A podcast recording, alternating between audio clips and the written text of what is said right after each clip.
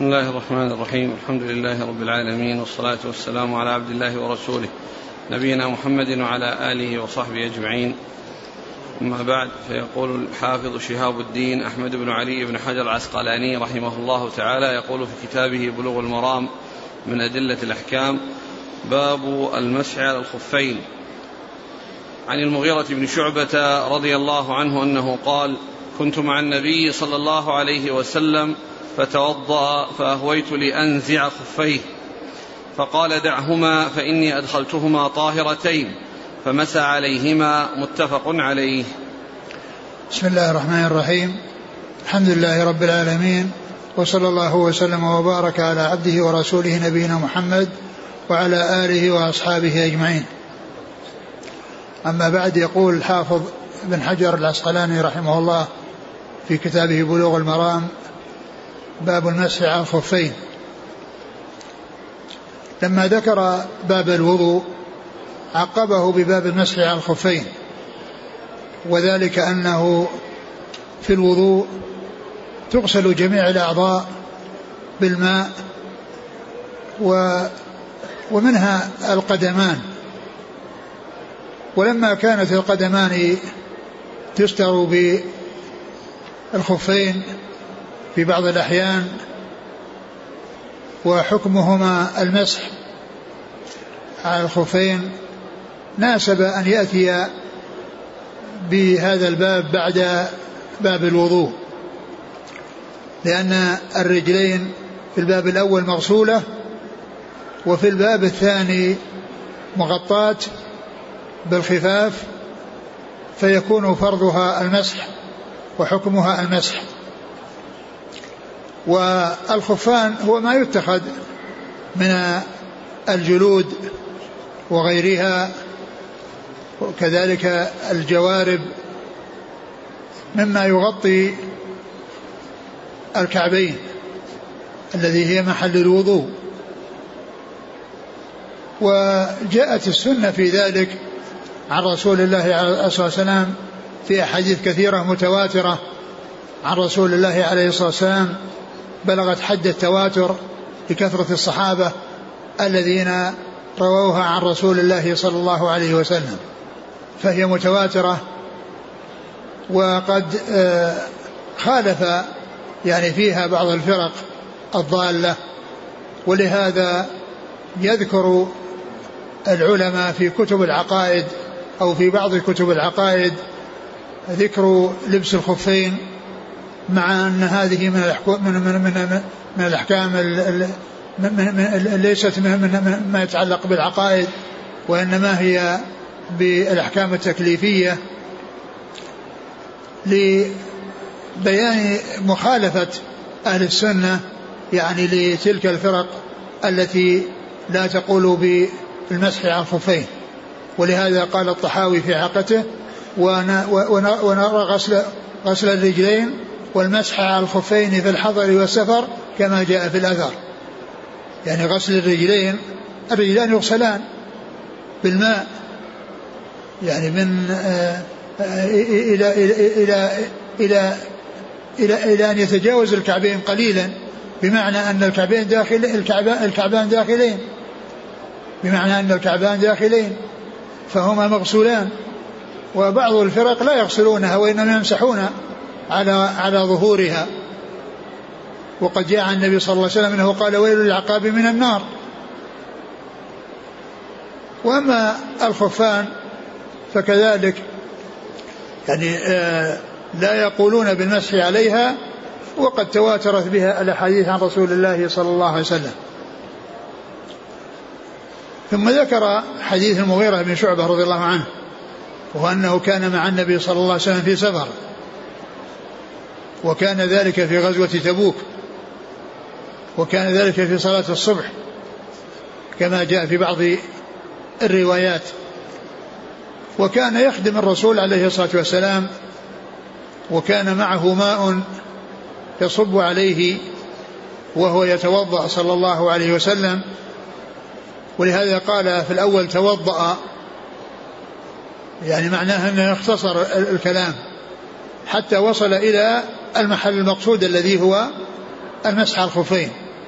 قال توضأ و يعني أهويت لأنزع خفيه أي ليغسلهما. فقال دعهما فإني أدخلتهما طاهرتين. دعهما فإني أدخلتهما طاهرتين ومسح عليهما. ومسح عليهما صلوات الله وسلامه وبركاته عليه. فهذا الحديث من الأحاديث الكثيرة المتواترة عن رسول الله عليه الصلاة والسلام في المسح على الخفين. قال فأهويت لأنزع لأنزع خفيه يعني لي لي ليغسلهما بالماء. فالرسول عليه الصلاة والسلام أرشده إلى أن يتركهما وأن لا يخلع الخفين وأنه وقد مسح ثم مسح عليهما وبين أن هذا هو حكمهما فيما إذا كانتا مستورتين بالخفاف. فإني أدخلتهما طاهرتين يعني بعدما توضأ يعني آه، قبل ذلك وأتم الوضوء لبس الخفين. فأدخل القدمين في الخفين وهما طاهرتان. أدخل القدمين في الخفين وهما طاهرتان يعني أنها كملت الطهارة. وقوله صلى الله عليه وسلم وهما طاهرتان أو ادخلتهما طاهرتين يدل على أن لبس الخفين لا يكون إلا بعد الفراغ من الوضوء بعد الانتهاء من غسل الرجل, اليسرى وأنه لا يجوز أن يغسل اليمنى ثم يدخل الخف فيها ثم يغسل اليسرى ويدخل ويدخلها في الخف وإنما ينتظر حتى يفرغ من غسل الرجل الأخرى وبذلك يكون متطهرا ومستوفيا أحكام الوضوء مستوفيا يعني فعل الوضوء الذي هو الاتيان بفروضه كلها. ولو أدخل اليمنى قبل أن يدخل اليسرى فإنه لا يعتبر متوضئ لأنه لا يكون متوضئا إلا إذا غسل الرجل اليسرى. فلا يجوز أن تدخل اليمنى قبل تدخل اليمنى في الخف قبل أن تغسل اليسرى وإنما يكون ذلك بعد الفراغ من غسل آه، آه، آه، الرجل اليسرى. نعم. وللأربعة عنه إلا النسائي أن النبي صلى الله عليه وسلم مسح أعلى الخف وأسفله وفي إسناده ضعف. ثم ذكر هذا الحديث أن قال وللأربعة؟ نعم. عنه إلا النسائي. عنه يعني عن المغيرة بن شعبة. إلا النسائي لأنه سبق أن ذكر في اصطلاحه في المقدمة أنه إذا قال أربعة يقصد أصحاب السنن. وإذا أراد أن يستثني أحدا فإنه يذكر العدد ويستثني من من من يستثني. وهنا ذكر الأربعة إلا النسائي. أنه مسح على أسفل الخف وعلى ظهره. مسح على أسفل الخف وعلى ظهره. والحكم الثابت هو المسح على ظهر الخف وعلى أعلاه ولا يكون المسح على أسفله وإنما يكون على أعلاه. والحديث هذا كما قال فيه ضعف وضعفه يعني بعض أهل العلم. والصحيح هو الاقتصار على مسح ظهر القدم وهو الذي جاء في الحديث الذي بعد هذا. نعم. وعن علي رضي الله عنه أنه قال لو كان الدين بالرأي لكان أسفل الخف أولى بالمسح من أعلاه. وقد رأيت رسول الله صلى الله عليه وسلم يمسح على ظاهر خفيه. أخرجه أبو داود بإسناد حسن. ثم ذكر هذا الحديث عن علي رضي الله عنه. يقول لو كان الدين بالرأي لكان مسح اسفل الخف أولى من أعلاه لكنه ليس بالرأي وإنما هو بالنقل والوحي. و و والرسول عليه الصلاة والسلام كان يمسح على ظهر على على ظهر على, على أعلى القدمين ولم يمسح على أسفلهما. قال ولو كان الدين بالرأي لكان اسفل المسح أولى اسفل القدم أولى بالمسح من أعلاه. وذلك أن اسفل القدم هو الذي يعني يضع الأرض وهو الذي يماس ما فيها وقد يكون فيه شيء من النجاسات وما إلى ذلك. فلو كان الدين بالرأي وبالعقل وبآراء الناس وعقولهم وأفكارهم لكان أسفل الخف أولى من أعلاه. وقال وقد رأيت وسلم يمسح على ظهر قدميه على ظهر على على ظهرهما على ظهر الخفين فدل هذا على أن المسح على الخفين الذي جاء مطلقا في في كثير من الروايات جاء في بعض الروايات بيانه وتوضيحه كما جاء في الحديث أنه على ظهر على ظهر على أعلى الخفين وليس على أسفلهما. ثم إن أيضا من المحاذير التي تكون يعني في المسح لو كان المسح يكون على الأسفل بأن يصيب الأسفل الخف رطوبة. ثم هذه الرطوبة تمسك يعني بعض القاذورات والاشياء التي تكون في الأرض. فإذا السلامة منها وعدم ذلك فيه فائدة وهي أنه لا يحصل بسبب مسح أسفل القدمين رطوبه تكون في القدم ثم يطع على شيء فيمسكه أو يعني يتبلل به فيتصل بأسفله آه، آه، شيء آه، لو لم يفعله لحصلت السلامة من اتصاله به.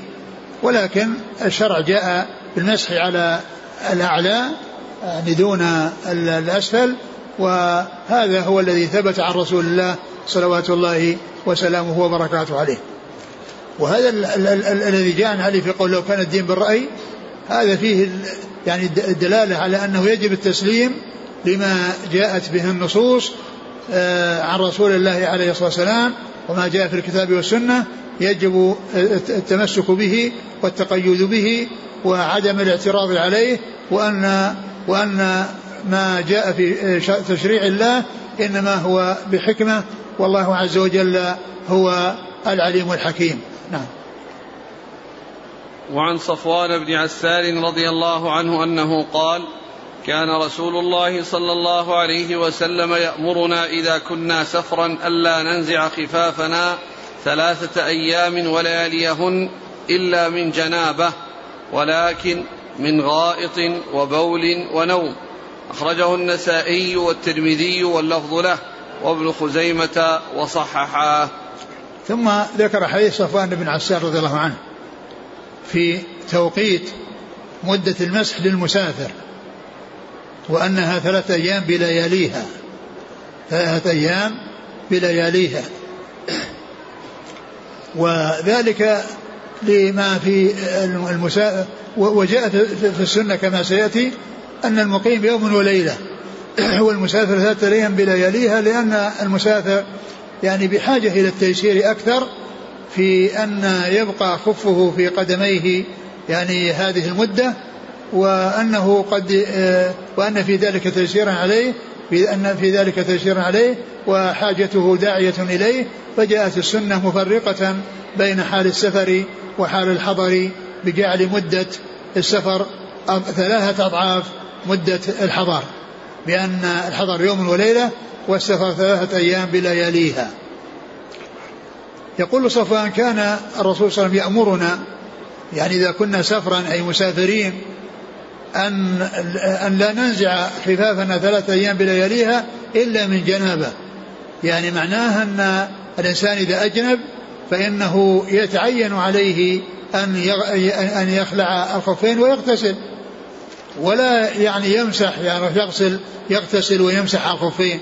لأنه لا يجوز مسح الخفين في الاغتسال.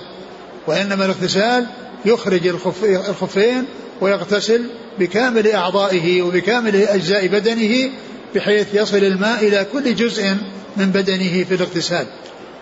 وإنما المسح يكون من الحدث الأصغر. المسح يكون في الحدث الأصغر ولا يكون في الحدث الأكبر. ولهذا قال ألا ننزع إلا من جنابة. يعني إذا صار جنابة لا بد من المسح. لا بد من الخلع. ولو كان بعد ولو كان بعد دقائق. ولو كان بعد ساعة, ساعة أو, أو, أو, أو, أو, أو, أو ما هو قريب من ذلك. لا بد عند عند عند, عند الاغتسال من الخلع ولا ولا يمسح ولا يمسح على الخفاف في حال الجنابة. قال ولكن يعني من النوم يعني أنهم يبقونها إلى هذه المدة ويمسحون عليها فيما إذا صار هناك نوم أو كان يعني آآ آآ نوم أو من غائط وبول ونوم. نعم من غائط وبول ونوم. يعني من من غائط وبول ونوم هذا هو الذي يكون عنده النزع. يعني إذا كان الحدث الأصغر إذا كان الحدث الأصغر يعني واحتاج إلى وتوضأ بعده فإنه يخلع إذا حصل منه هذه الأمور التي هي البول والغائط وكذلك النوم. الذي هو مظنة الحدث. النوم مظنة الحدث وليس حدثا ولكنه مظنة للحدث. كقوله صلى الله عليه وسلم العين وكاء السه فإذا نامت العينان استطلق الوكاء. العين وكاء السه فإذا نامت العينان استطلق الوكاء. فهذا هو الذي يعني عند الحدث الأصغر أو رفع الحدث الأصغر هذا هو الذي تنزع في الذي يمسح عليه يمسح عليه في المسافر ثلاثة أيام بلا لياليها والمقيم يوم وليلة. فإذا فرغت وانتهت مدة المسح التي هي آه ثلاثة أيام بلياليها ابتداء من المسح إلى أن يأتي يعني ما يماثل أو يطابق الوقت الذي حصل فيه المسح. وأكمل ثلاثة أيام بدءا من المسح. وبعض أهل العلم يقول أنه بدءا من الحدث. يعني إذا أحدث بعد الطهر وبعد بعد إذا أحدث بعد اللبس فإنه يحسب الثلاث بلياليها من الحصول الحدث. ولكن الصحيح أنه من المسح لأنه جاء أنهم كانوا يمسحون ثلاثة بلياليها فإذا الحكم هو يكون في في جميع في جميع هذه المدة كلها فيها مسح.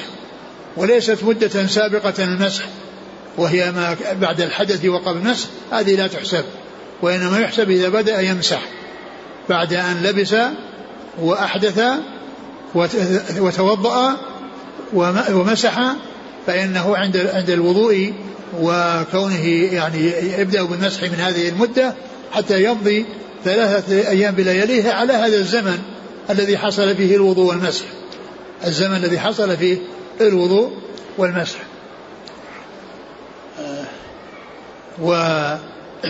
والنوم فيه خلاف ولكن الصحيح فيه أن ما كان نوما يسيرا يكون من جالس فإن ذلك لا يؤثر لأنه سيأتي في بعض الأحاديث أنهم كانوا يعني يأتون للصلاة ويجلسون ينتظرون الصلاة ثم تخفق رؤوسهم ثم تخفق رؤوسهم يعني وهم جالسون ثم يقومون للصلاة ولا يتوضؤون لأن الجالس يعني إذا حصل منه النعاس وجاء النوم خفق رأسه وتنبه. بخلاف المضطجع فإنه يستغرق في النوم. وقد يحصل منه الحدث ويحصل منه الخارج الذي ينتقض به آه، وضوءه. وعلى هذا فإن النوم ليس كله ناقضا ويستثنى منه يعني هذا الذي جاء في بعض الأحاديث عن الصحابة رضي الله عنهم وأرضاهم وأنهم كانوا مع النبي صلى الله عليه وسلم في انتظار الصلاة وأنها تخفق رؤوسهم ثم تقام الصلاة ويقومون ويصلون ولا يتوضؤون فدل هذا على التفصيل في النوم وأنه ليس كل نوم يكون ناقضا للوضوء. نعم. وعن علي بن أبي طالب رضي الله عنه أنه قال جعل النبي صلى الله عليه وآله وسلم ثلاثة أيام ولياليهن للمسافر ويوما وليلة للمقيم يعني في المسح على الخفين أخرجه مسلم. ثم ذكر هذا الحديث الذي فيه آه، بيان مدة المسح للمسافر ومدة المسح للمقيم وأن المقيم يوم وليلة والمسافر ثلاثة أيام بلياليها. فهو موافق لحديث صفوان فيما يتعلق بالمسافر وفيه زيادة بيان التوقيت للمقيم نعم. وعن ثوبان رضي الله عنه أنه قال بعث رسول الله صلى الله عليه وعلى آله وسلم سرية فأمرهم أن يمسحوا على العصائب يعني العمائم والتساخين يعني الخفاف رواه أحمد وأبو داود وصححه الحاكم. ثم ذكر هذا الحديث عن ثوبان رضي الله عنه أن سرية ذهبوا من عند الرسول صلى الله عليه وسلم فأمرهم وأوصاهم بأنهم يمسحون على العصائب والتساخين. والعصائب هي العمام العمائم التي تكون على الرؤوس والتساخين التي هي الخفاف. التساخين التي هي الخفاف وهذا آه، الحديث يعني من أحاديث آه، آه، مسعى الخفين من أحاديث من الأحاديث الكثيرة المتواترة بالمسح على الخفين وأن الرسول صلى الله عليه وسلم أمرهم يعني بمعنى أنهم يعني رخص لهم وليس الأمر يعني أمر أمر إيجاب وإنما يعني إنما هو بيان للرخصة لهم وأنهم يعني يمسحون على الخفاف وعلى العمائم. والجملة الثانية آه، هي مع الأحاديث السابقة فيما يتعلق الخفين والجملة الأولى التي هي أو الكلمة الأولى التي هي العصائب فالتي هي تتعلق هي من أحاديث آه، المسح على العمائم. وقد سبق مر بنا أن المسح على العمامة والناصية المسح على العمامة والناصية. يعني إذا كانت الناصية بعضها مكشوف والباقي مغطى فإنه يمسح على ما ظهر من الرأس ويكمل في المسح على العمامة. فهذا من أدلة المسح على العمائم كما أن الحديث الذي سبق من أدلة المسح على العمائم. وعن عمر موقوفا وأنس مرفوعا إذا توضأ أحدكم ولبس خفيه فليمسح عليهما وليصلي فيهما ولا يخلعهما إن شاء إلا من جنابه. أخرجه الدار قطني والحاكم وصححه. ثم ذكر هذا الحديث عن عمر عن عمر وعن عن عمر موقوفا. موقوفا وعن أنس. مرفوعا. مرفوعا. قال إذا توضأ أحدكم ولبس خفيه فليمسح عليهما وليصلي فيهما. إذا توضأ أحدكم ولبس الخفين و... فليمسح. فليمسح عليهما. إذا أحدث يعني يعني معناه أن المسح يكون مع بعد الحدث. أما إذا لم يحدث فإنه يبقى يصلي ب... ب... بهذا الوضوء الذي يعني أدخل فيه القدمين أدخل فيه القدمين في خفين طاهرتين فإنه إلى أن يحصل الحدث إلى أن يحصل يعني إلى أن يحصل الحدث فإنه يصلي بوضوءه الذي كان أدخل الرجلين في القدمين أدخل القدمين في الخفين وهما طاهرتين فإنه يستمر لأن هذا مثل ما لو لم يلبسهما كما لو لم يلبسهما لأن هذا اللبس وجوده مثل عدمه يعني فيما يتعلق قبل الحدث لأنه يعني سواء كان لابسا أو غير لابس الوضوء مستمر والطهارة مستمرة ولكن الاستفادة من المسح إنما تكون بعد الحدث بحيث أنه لا يخلع وإنما يمسح بدون خلع فهذا إنما يكون بعد الحدث يعني أنه توضأ ثم أحدث ثم مسح.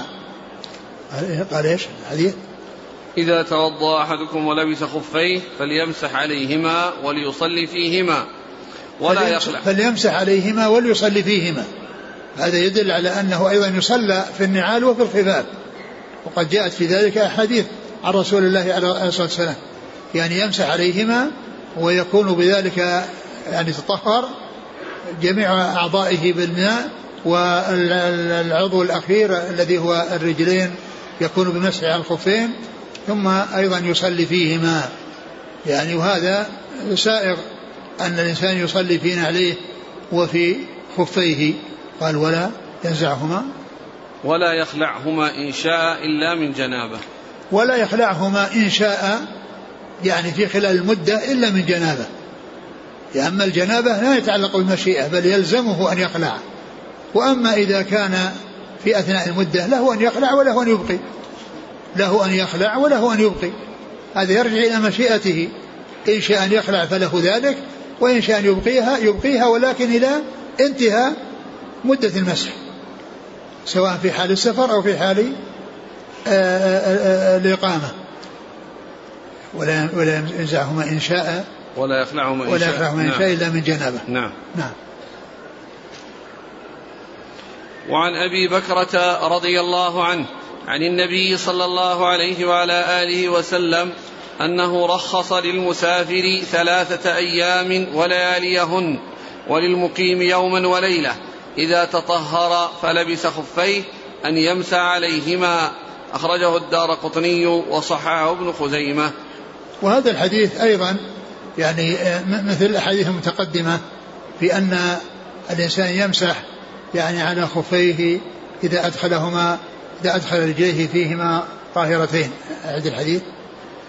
رخص للمسافر ثلاثة أيام ولياليهن وللمقيم يوما وليلة إذا تطهر فلبس خفيه أن يمسح عليهما. وهذا مثل الحديث الذي مر عن علي في أنه مدة السفر المسح للمسافر ثلاثة أيام بلياليها ومدة المسح على الخفين للمقيم يوما وليلة.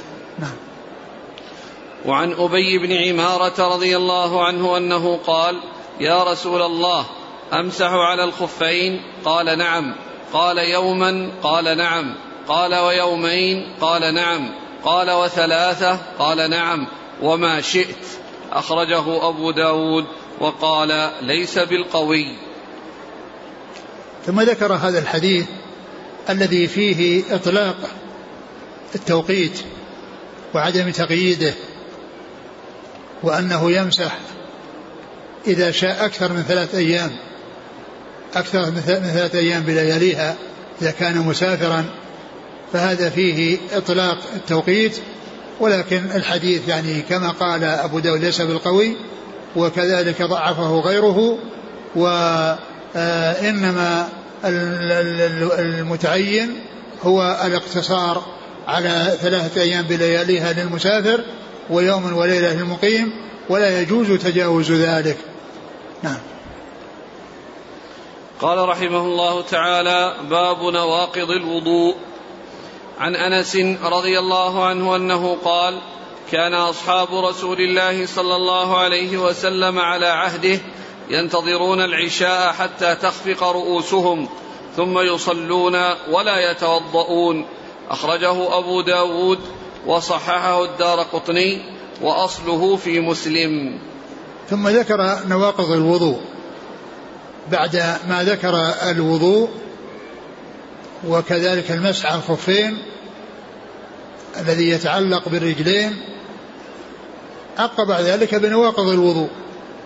وهي التي تبطله ويخرج الإنسان من كونه غير متوضئ إلى كونه محدثا لا يجوز له أن يصلي إلا إذا رفع الحدث إلا إذا رفع الحدث بالماء حيث يكون موجودا أو بالتيمم حيث يكون الماء مفقودا وغير وغير موجود. فال أورد في حديث من؟ أنس كان أصحاب رسول الله أورد حديث أنس رضي الله عنه. كان أصحاب رسول الله صلى الله عليه وسلم ينتظرون العشاء وتخفق رؤوسهم يعني بالنوم. يعني وهم وهم جالسون. يعني الإنسان الجالس إذا جاءه النوم ونعس يعني خفق رأسه وإذا خفق رأسه انتبه. وذهب عنه النعاس. ويعود ويعود إليه. ولكن ليس مثل الإنسان المضطجع أو الإنسان المتمكن الذي هو مستقر على هيئته يعني ولو طالت المدة. الجالس يعني يحصل منه التنبه ويحصل منه آه، آه، النعاس القليل وذلك لا يؤثر لأن الصحابة رضي الله عنهم وأرضاهم كانوا مع رسول الله صلى الله عليه وسلم في انتظار صلاة العشاء وتخفق رؤوسهم بسبب النعاس ثم يقومون ولا يتوضؤون فدل على أن مثل هذا لا يحصل به النقض لا يحصل به آه، نقض الوضوء الذي هو النعاس الذي يكون من الجالس وإنما النوم الذي ينقض الوضوء هو الذي يكون من المتمكن ومن المضطجع وهو الذي آه، سبق أن مر في حديث صفوان إلا من غائط أو بول أو نوم. يعني النوم الذي هو يحصل معه الحدث والذي هو مظنة الحدث بخلاف اليسير من الجالس المتمكن فإنه ذلك آه، لا يؤثر لا يؤثر ذلك فيه كما يؤثر في المستغرق في النوم. وعن عائشة رضي الله عنها أنها قالت جاءت فاطمة بنت أبي حبيش إلى النبي صلى الله عليه وسلم فقالت يا رسول الله إني امرأة أستحاض فلا أطهر أفأدع الصلاة؟ قال لا إنما ذلك عرق وليس بحيض فإذا أقبلت حيضتك فدعي الصلاة وإذا أدبرت فاغسلي عنك الدم ثم صلي متفق عليه. وللبخاري ثم توضئي لكل صلاة وأشار مسلم إلى أنه حذفها عمدا. ثم ذكر حديث فاطمة بنت أبي حبيش رضي الله عنها أنها جاءت إلى النبي صلى الله عليه وسلم وقالت يا رسول الله إني استحاض فلا أطهر. أفدع أفأدع الصلاة؟ يعني الدم يسيل معها باستمرار. فهل تدع الصلاة كما يكون في الحيض؟ لأن الحيض تدع الصلاة ولا يجوز أن تصلي في حال حيضها. ولو صلت فإنها لا تصح صلاتها وتأثم بفعلها الصلاة التي هي ممنوعة منها في حال حيضها. فحسبت أن حال الاستحاضة واستمرار الدم معها أنه مثل الحيض. فسألت هل تدع الصلاة في هذه المدة التي في حال استحاضتها؟ فقال لا يعني لا تدعيها. ليس حكم الاستحاضة مثل حكم الحيض. الاستحاضة لا لها أحكام والحيض له والحيض له أحكام. قال لا قال إنما ذلك عرق. يعني هذا الدم الذي يخرج هذا عرق يكون من أدنى الرحم في يقال له العاذل. وأما وأما الحيض فيكون من أقصى الرحم. فيكون من أقصى الرحم. فبين فبينهما فرق في مكان خروجهما. وأيضا بينهما فرق من ناحية اللون والرائحة. فإن الحيض يكون أسود ويكون يعني منتن بخلاف الاستحاضة فيكون أحمر ويعني ولا يكون فيه رائحة الحيض. فالرسول عليه الصلاة والسلام أجابها لما عن سؤالها بقولها لا يعني لا تدع الصلاة. إنما ذلك عرض عرق فإذا أقبلت حيضتك لأن المستحاضة تحيض لأن الحيض يعني يكون معها لأن هذا يخرج من أدنى الرحم وذاك من أقصاه فالذي من أدناه مستمر ودائم معها وهذا لا يمنع الصلاة ولا يمنع الصيام ولا يمنع الجماع وإنما يعني حكمها مثل حكم الطاهرات. يعني في ذلك بخلاف الحيض فإنه يمنع هذه الأمور يمنع هذه الأمور. فقال إنما ذلك عرق فإذا جاء أقبلت حيضتك لأنها الحيضة إما أن تعرفها بالأيام قبل أن يحصل لها الاستحاضة بأن تكون تعرف أنها يجيها خمسة أيام من آخر الشهر أو من وسط الشهر أو من أول الشهر. قال فإذا إذا أقبلت الحيضة بمعرفة عادتها فإنها تمتنع في ذلك الوقت. تمتنع من الصلاة وتدع الصلاة من حين تقبل الحيضة ويبدأ وقتها إلى أن تنتهي وذلك بمعرفة الأيام التي كانت معروفة عندها قبل الحيض. وإن كانت وكذلك الطريقة الأخرى بالتمييز بتمييز اللون والرائحة فإنها ترجع إلى ترجع إلى إلى التمييز بين ما يكون حيضا وما يكون غير حيض. فالرسول صلى الله عليه وسلم أرشدها إذا أقبلت حيضتها بأن تدع الصلاة وإذا أدبرت بمعنى أنها انتهت وذهب ذلك الدم الذي يخرج من أقصى الرحم والذي هو أسود منتن فإنها عند ذلك تغتسل وتصلي. تغتسل كما تغتسل الحائض إذا ذهب عن الحيض لأن هذه مستحاضة وهي مثل الطاهرة وهذا الحيض الذي جاءها كما يجيء السليمات من الاستحاضة فإنها تغتسل عند ذهابه كما تغسل تغتسل الحيض عند ذهاب الحيض. هذه تغتسل عند ذهاب الحيض الذي عرفته بعادتها أو بتمييزها. ثم بعد ذلك تصلي. ويعني و و و وتكون في حال استحاضتها بعد ذهاب حيضها يحل يحل لها ما يحل للطاهرة. يعني يجامعها زوجها ويعني تصوم وتصلي وكل أحكام الطاهرات يعني هي لها. إلا أن هذا الذي معها يعتبر حدثا دائما. مثل الإنسان الذي معه سلسبول دائم والذي معه آه، ريح دائم. هذا شيء مستمر. يعني هذا شيء مستمر.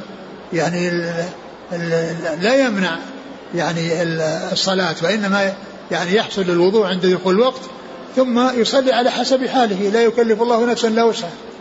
ثم ذكر بعد ذلك هذا الجملة التي رواها البخاري وهي ثم قال ثم توضئي لكل صلاة. توضئي لكل صلاة. وهذه الجملة هي التي أتى المصنف للحديث في باب نواقض الوضوء من أجلها. قال توضئي لكل صلاة. توضئي لكل صلاة لأن لأن الاستحاضة والدم ناقض ناقض الوضوء لكنها عندما تريد أن تصلي ويعني يأتي وقت الصلاة فإنها تتوضأ لكل صلاة. فإذا جاء وقت الظهر وأرادت أن تصلي فإنها تتوضأ وتصلي. وإذا جاء العصر توضأت وصلت وهكذا توضئي لكل صلاة. فقوله توضئي لكل صلاة الوضوء إنما يكون من حدث والدم الذي يخرج من من فرجها الذي هو دم الاستحاضة هو حدث هو حدث ولكنه معفو عنه في حال آه، في في في, في, يعني بعد بعد حصول آه، ذهاب مدة الحيض. وإن كان الدم معها وهو نجس ويعني آه، فإنها فإنها لا يمنعه من الصلاة ولا من غيرها من الأشياء التي يمنع منها ولكنه عندما يقضي الصلاة تتوضأ. تتوضأ لأن الدم الذي يخرج من فرجها هو حدث تتوضأ وتصلي. والبخاري أورد هذه الجملة ومسلم ذكر الحافظ أنه تركها أن أن مسلم تركها وقال ما تركتها عمدا وذلك لأن لأنها جاءت من طريق يعني آه، فيه كلام ولكنه جاء من طرق أخرى يعني آه، آه، يكون ذلك ثابتا وليس الحكم أو الحديث جاء من الطريقة التي أشار إلى مسلم الترك من أجلها وإنما جاء من طرق أخرى متعددة ولهذا أثبته يعني جماعة من العلماء ومنهم البخاري رحمه الله. نعم.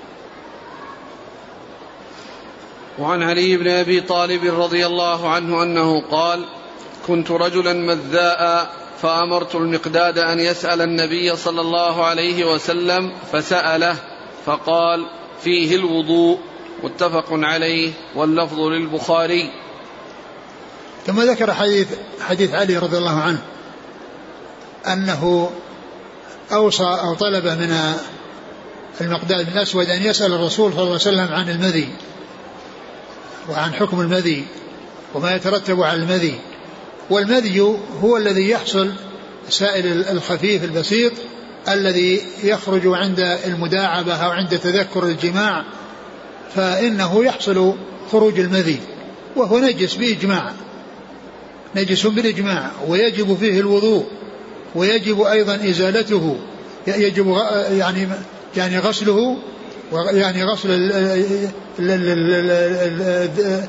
الفرج والأنثيين الذكر والأنثيين يغسلهما يغسلهما آآ آآ ولا يكفي أنه يعني يستنجي أو يزيل يعني هذا بالماء وإنما يجب عليه بالتراب أو بالحجارة وإنما يجب فيه يجب فيه الغسل بالماء يغسل ذكره وأنثيه كما ثبت ذلك عن رسول الله صلى الله عليه وسلم ويتوضأ.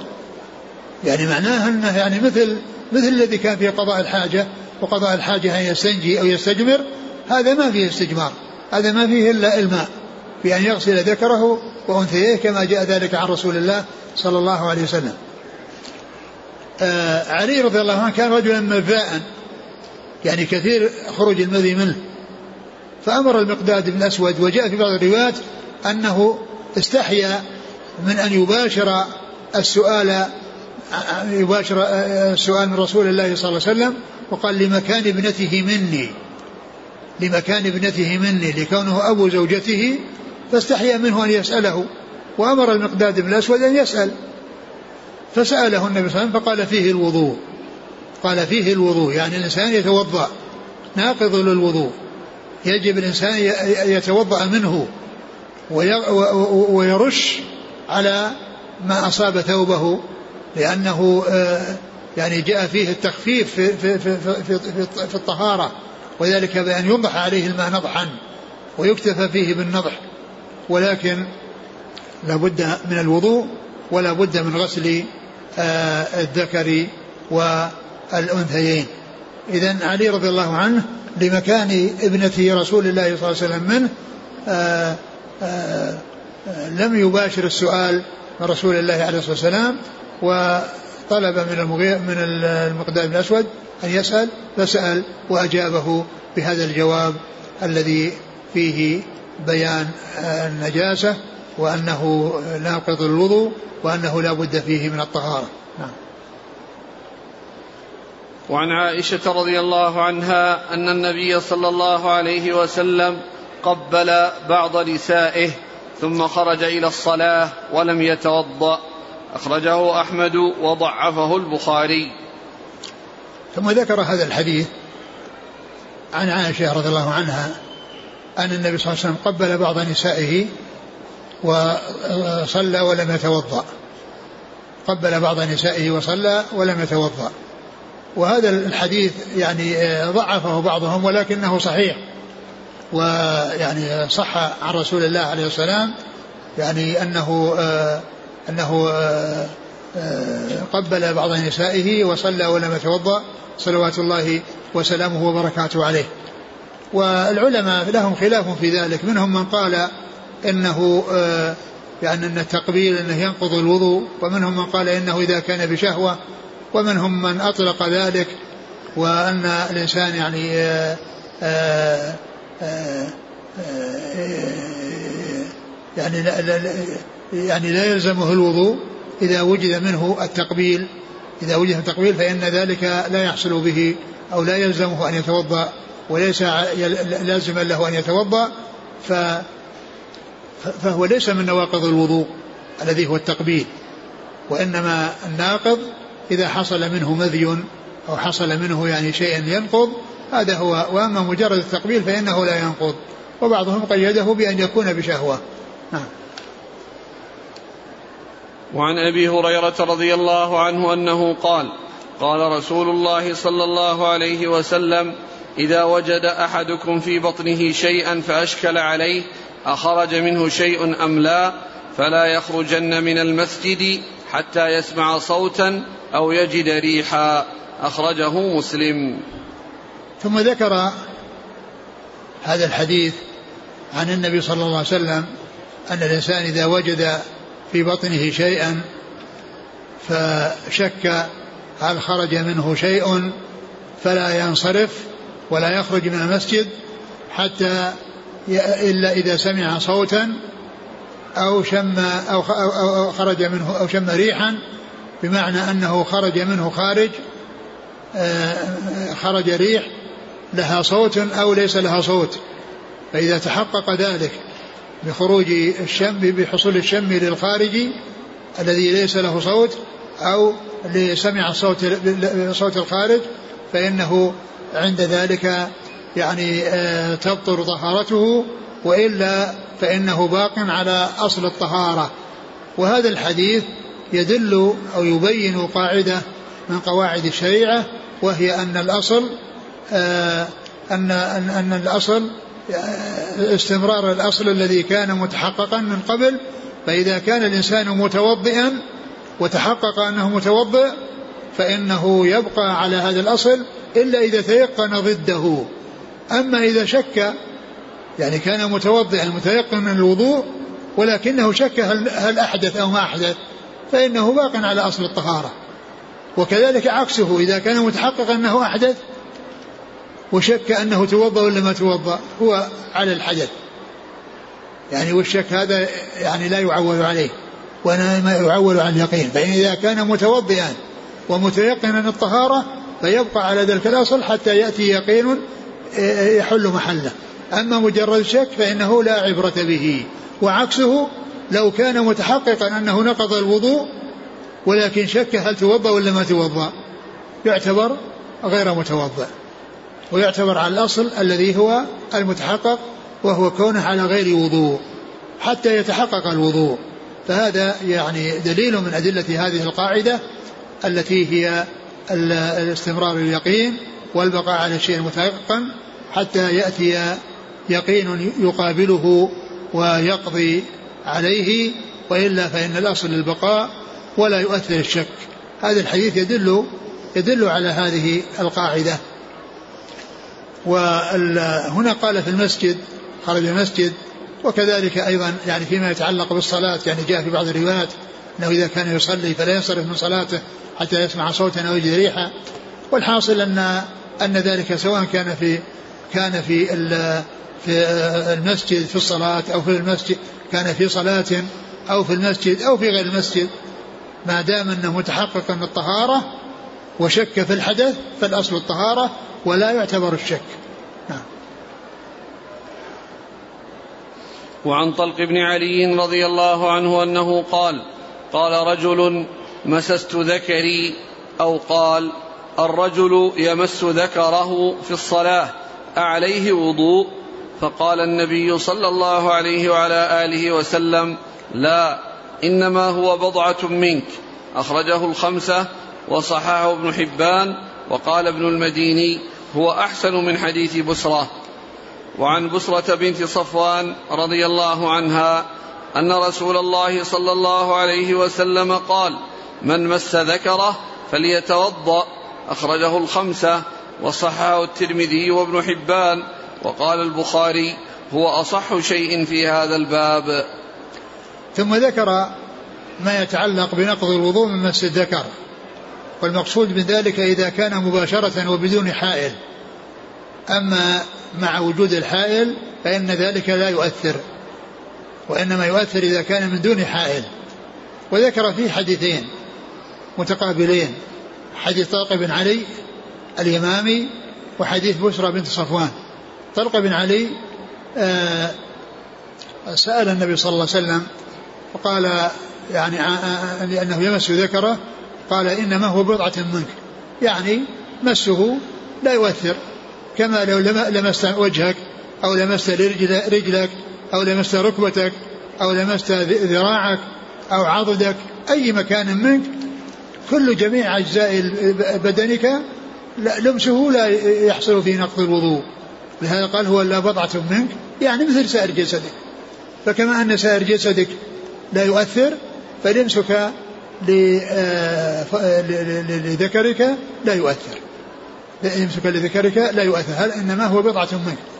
وهذا باق على الأصل. يعني باق على الأصل الذي آه، آه، يعني كان الناس عليه. يعني قبل أن يأتيهم يعني شيء ينقل عن عن الشيء الذي هم عليه.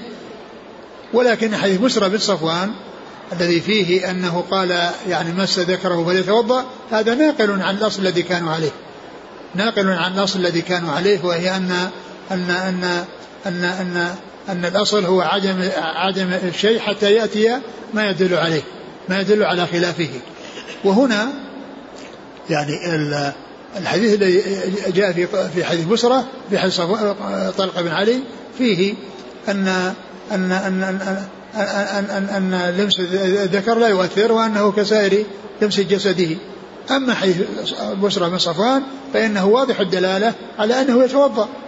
ففيه نقل عن الأصل الذي هو عدم النقض بلمس الذكر إلى النقض وأن الإنسان عليه أن يتوضأ.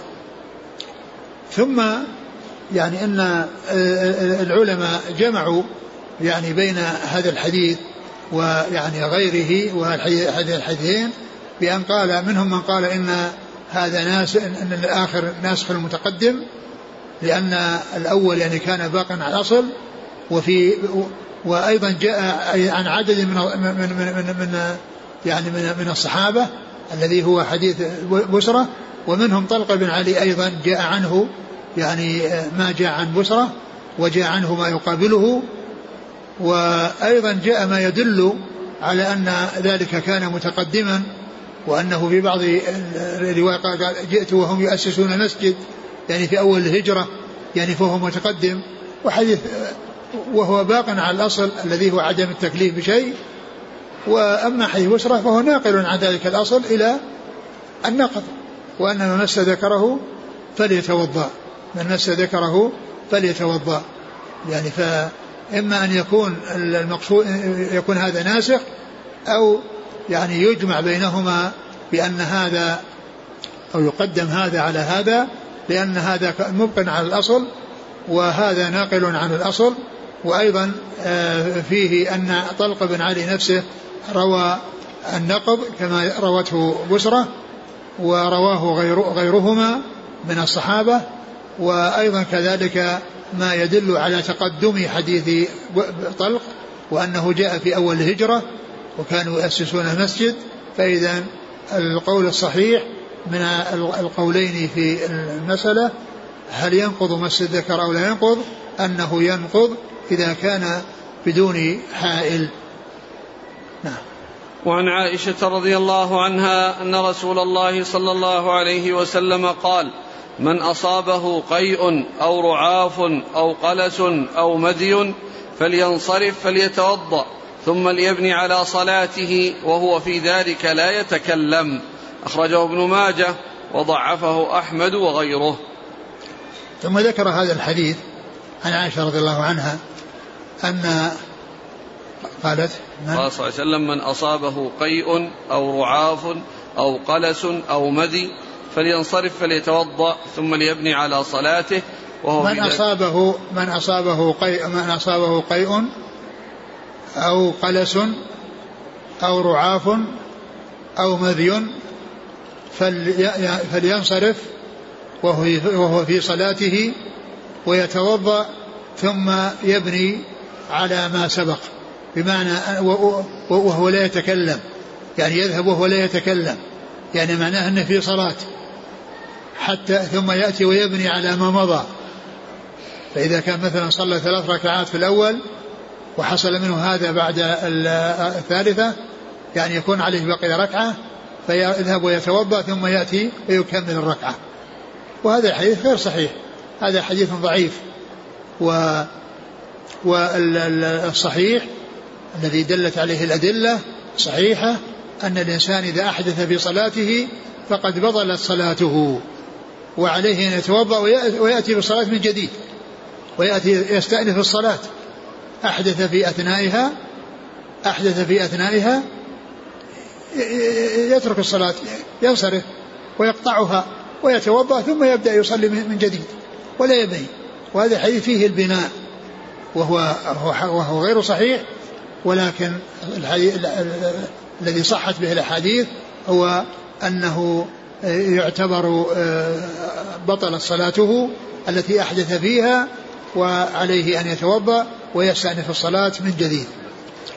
من أصابه آه، قيء وهو ما يخرج من المعدة من الطعام أو قلس وهو الشيء القليل من الذي يخرج من القيء بأن يكون مقدار الفم أو قريب منه هذا يقال له قلس أو أو رعاف وهو الدم الذي يخرج من أنفه و أو, أو مذي وهو الذي آه، سبق أن مر في حديث علي رضي الله عنه وأنه ينقض الوضوء وأن عليه أن يتوضأ وعليه أن يغسل ذكره وأنثييه وهذا بإجماع العلماء فيما يتعلق بالمذي.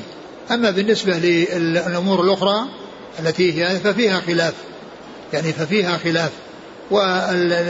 والإنسان يعني عندما يحصل منه القيء أو يحصل منه القلس فإنه لا يعني آه، ينتقض وضوءه. وبعض العلماء قال إنه ينتقض.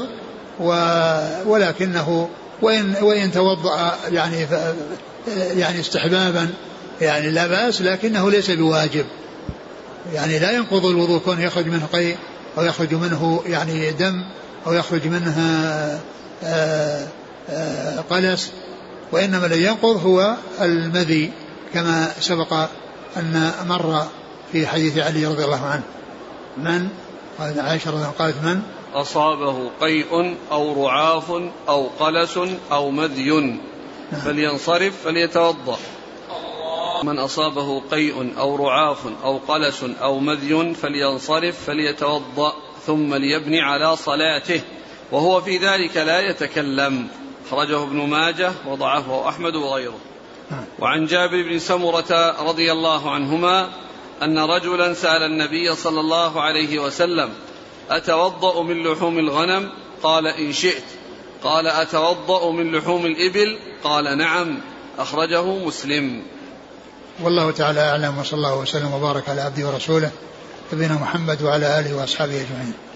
جزاكم الله خيرا وبارك الله فيكم ألهمكم الله الصواب ووفقكم للحق شافاكم الله وعافاكم نفعنا الله ما سمعنا وغفر الله لنا ولكم وللمسلمين أجمعين آمين.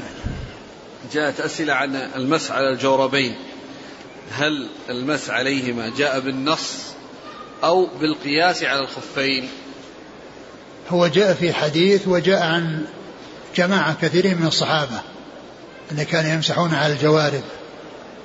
يعني يعني جاء فيه النص أو جاء فيه الحديث وجاء فيه الصحابة وأيضا القياس واضح فيه لأن الكل من الخف ومن ومن الجوارب آه، ساتر لمحل الفرض.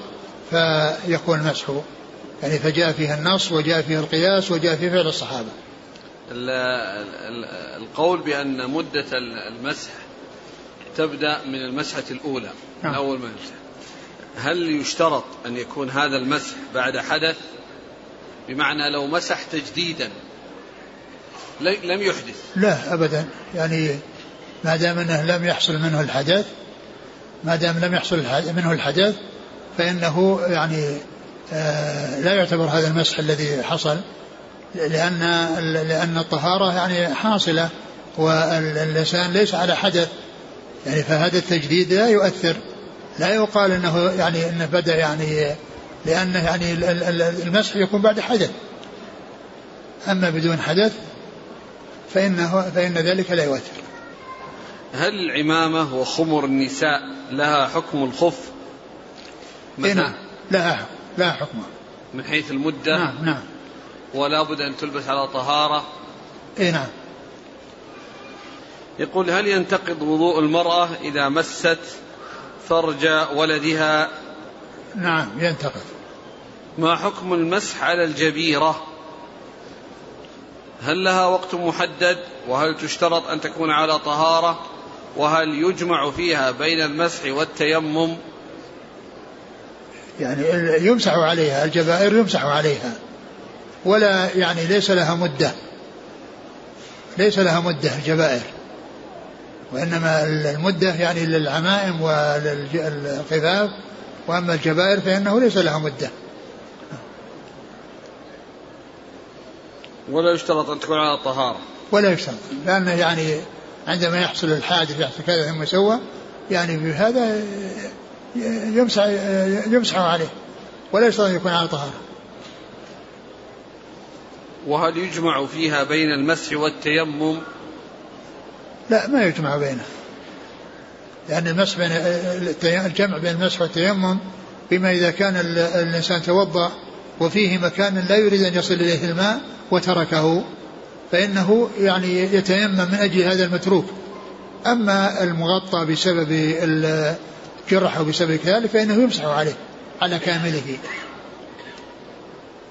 على كامله إذا كان يعني في مكان الوضوء. أما إذا كان في شيء خارج عن مكان الوضوء ليس ليس يعني مكان محل للمسح إذا من الفروق بين المسح على الجبيرة والمسح على الخفين قضية نعم إنها لا يشترط تكون على طهارة. والكيفية. وليس وليس لها وقت. كيفية المسح. المسح يمسح على كل المغطى هذا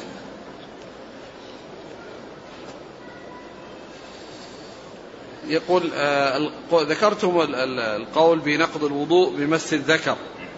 يقول هل هناك فرق بين مس بشهوة أو بدون شهوة؟